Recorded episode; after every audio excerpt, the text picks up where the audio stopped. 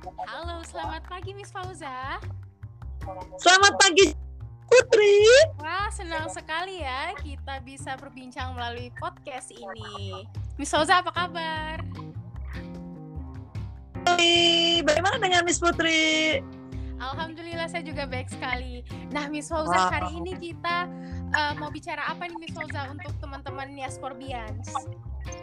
Oh, yang lagi seru nih tentang apa coba Miss Putri yang lagi seru banget. Gimana kalau kita bahas tentang yang seger-seger nih Miss Fauza? Mumpung sekarang Betul. lagi terik, terus kayaknya kalau es-esan seger kali ya Miss ya? Es selendang gimana Miss? Wah, enak banget itu. Eh, tapi ngomong-ngomong es selendang mayang itu kayak eh, waktu itu dari pernikahan nih.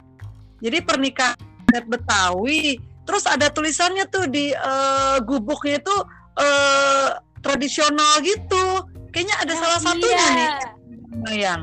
Bener banget. Nah, sekarang es Oh. selendang mayang itu ternyata makanan khas dari Betawi, Miss. Yang kaitannya ada sama Oh, pelajaran iya, iya. PLBJ nih, Miss. Bener banget, keren, keren, keren, keren. Oke, eh, tapi ngomong-ngomong es selendang mayang itu mudah dibuatnya, Miss. Nah, awalnya sih saya juga mikir nggak mudah, Miss. Soalnya kan Mm-mm. rasanya enak banget, Miss. Mm-mm. pikir eh, harus dengan bahan yang gimana gitu. Eh, taunya mudah, Miss. Nah, mungkin kita bahas ya, Miss.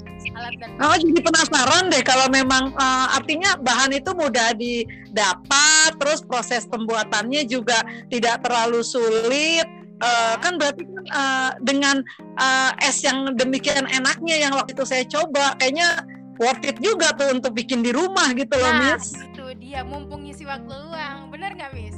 Oke. Setuju, oke. setuju.